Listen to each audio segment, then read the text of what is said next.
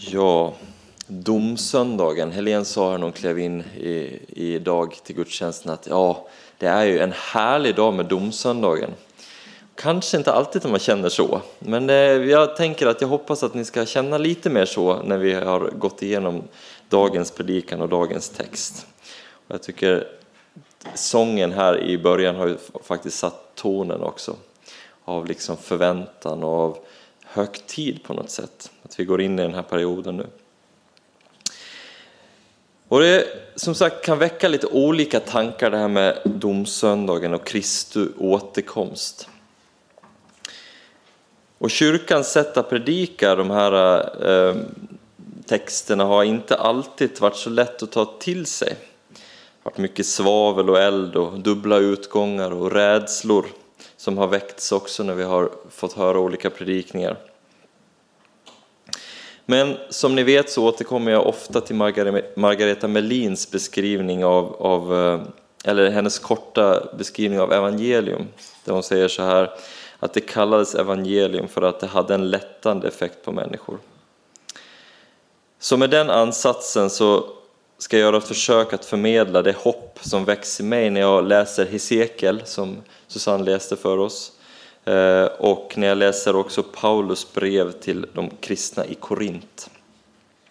Så vi läser dagens eh, episteltext ifrån första Korintierbrevet 15, den 22 versen till den 28.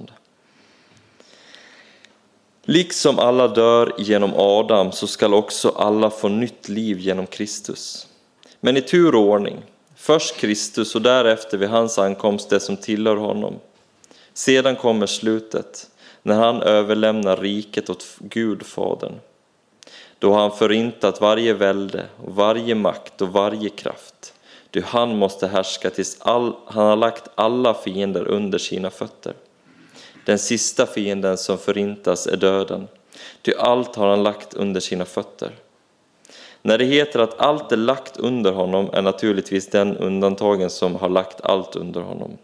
Men när allt har lagts under honom ska sonen själv underordna sig den som har lagt allt under honom så att Gud blir allt i överallt.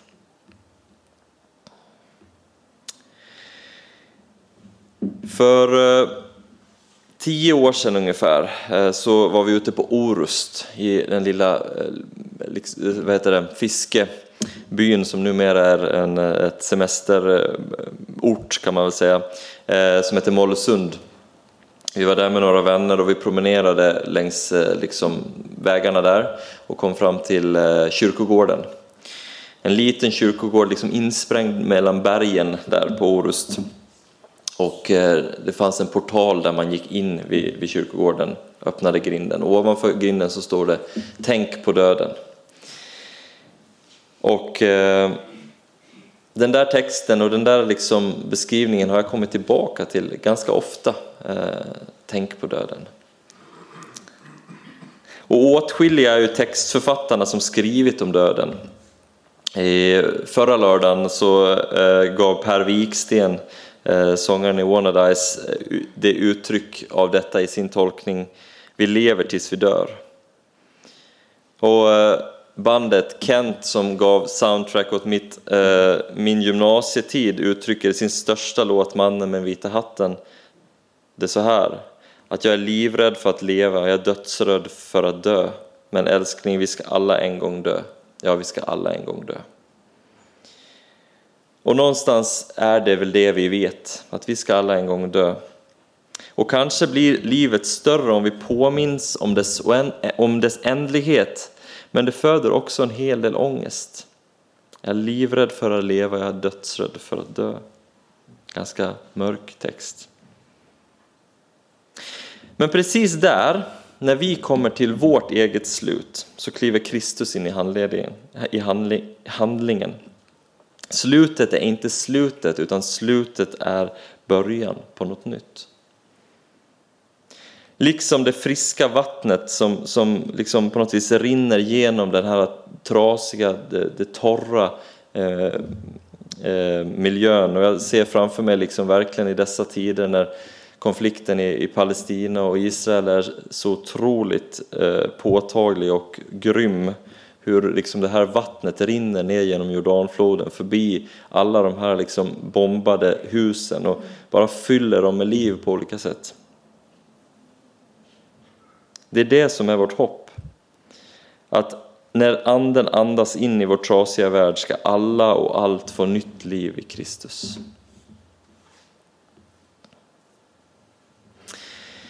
Och att världen är trasig, det är nog ingen som säger emot. Och när vi hör som sagt när bomberna faller över det land som, Jesus, som var Jesu hem när han var här på jorden. Och när barnen dör och krigszonen upplöser det som är mänskligt så gråter jag. Och då är det lätt att börja tvivla. Det är lätt att fundera på vad är du Gud? Varför har du övergett oss? Och eh, Jocke Bergs ord i, som vi precis hörde har aldrig varit så aktuella. Jag är livrädd för att leva. Om det ska vara den här världen, hur ska jag då överleva i det här? Men jag är lika rädd för att dö.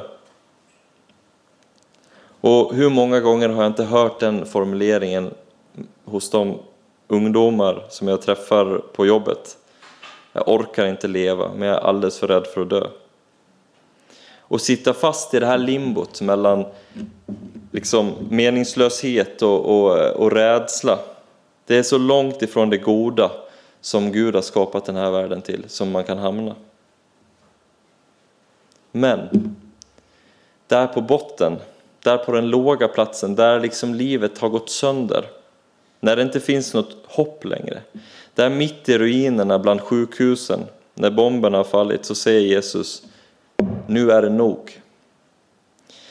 Domen kommer falla över ondskans makter och som förintar och förstör och som strävar efter makt och inflytande, som klär av människan dess gudomliga egenskaper som kärlek, som värde och som förmågan till gemenskap. Där, mitt i det trasiga, meningslösa, så säger Jesus, jag gör allting nytt. Jag gör allting nytt.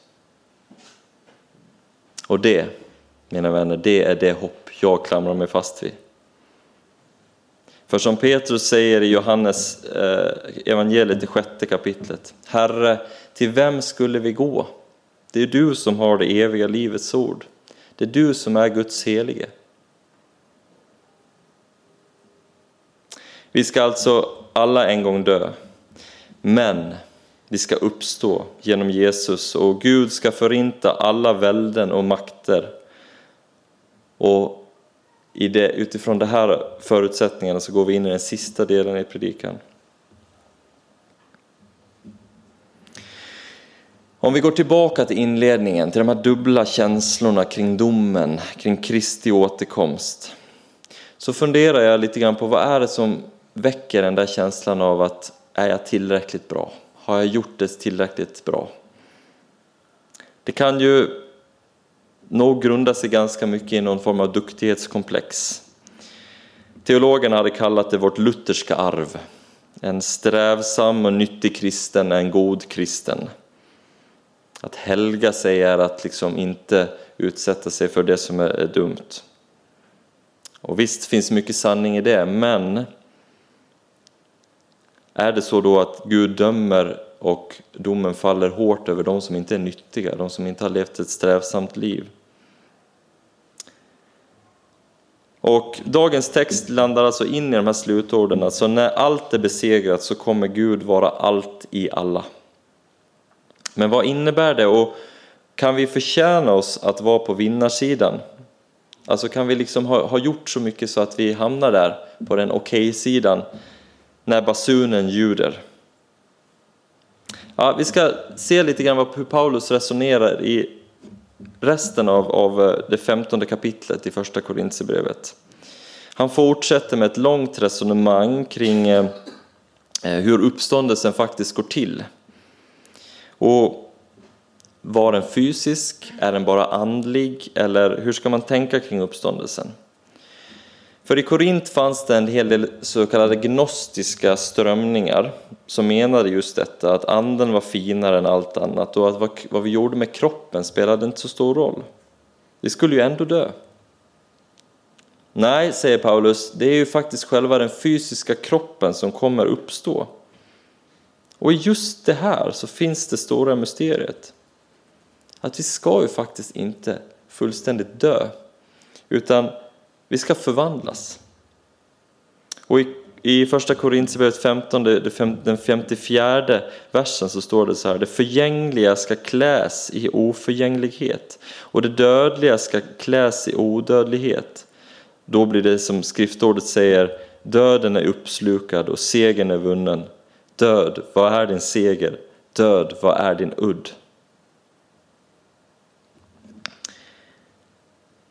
Så alltså kommer våra kroppar, våra faktiska eh, förvandlas och uppstå till ett evigt liv. Slutet är inte slutet, utan slutet är början. Så vad blir då slutsatsen? Jo, Jesus kommer döma ondskans makter. Nationsgränser kommer upplösas, rasism kommer krossas, girighet kommer att tas bort och han kommer utrota krig. Han kommer att uppväcka de döda barnkropparna från Gaza. Jesus kommer klä din slitna jordiska kropp i nya kläder. Han kommer att ta bort dina mörka tankar, din avundsjuka, din förgänglighet. Det onda kommer han lämna i de här gölarna och dammarna som vi hörde från Hesekiel. Och han kommer fylla dig med friskt vatten. Han kommer låta dina liksom, inre källor vara, vara levande och att alla de här eh, fiskarna och allt det här som livet som, som vi hörde om, det kommer att sprudla och, och ta plats. Och det är det stora mysteriet och det glada budskapet. Att dö är att göra allting nytt. Och jag ska avsluta med att läsa en, en dikt av eh, Elin Niklasson. Vi hade läst den förut, men vi hade en, en eh, predikoserie i Johanneskyrkan som handlade just om första Korintierbrevet. Och eh, då skrev Elin eh, dikter till varje predikan, till varje text. Så den här, texten, den här dikten är skriven just till den här texten från första Korintierbrevet 15. Det ofullgångna hoppets svekfulla hunger äter sig sakta in i gömmorna, in i bröstets håligheter, tränger ut anden, skrapar, ristar och slår. Finner bara kuliss efter kuliss i den här världen. Alla mina fästpunkter spricker eller löses upp när mina ofärdiga fingrar håller om verktygen. Det han säger nu är ett mysterium. Att dö är att göra allting nytt. Låt honom få plantera dig. Du som bara är ett frö, ett sädeskorn. Han som själv är ett träd, vet vad han vill med din kronas rundning, med hur dina grenar öppnar sig för ljuset. Luften ska han göra ny, och är vindarna starka är det han som sänt dem.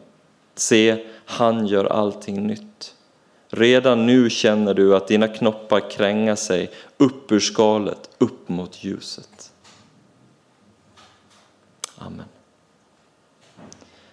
Tack Herre för att vi får se fram emot din återkomst. Tack för att vi får hoppas på dig när vi ser att all ondska bara tar över, att väggarna blir mindre och att svårare att andas. Så får vi hänga oss fast vid det hoppet som är att du kommer att säga stopp. Du kommer att göra allting nytt. Du kommer klä våra kroppar, våra trötta kroppar i nya kläder. Du kommer upprätta den här skapelsen till det som det var från början tänkt, till något vackert.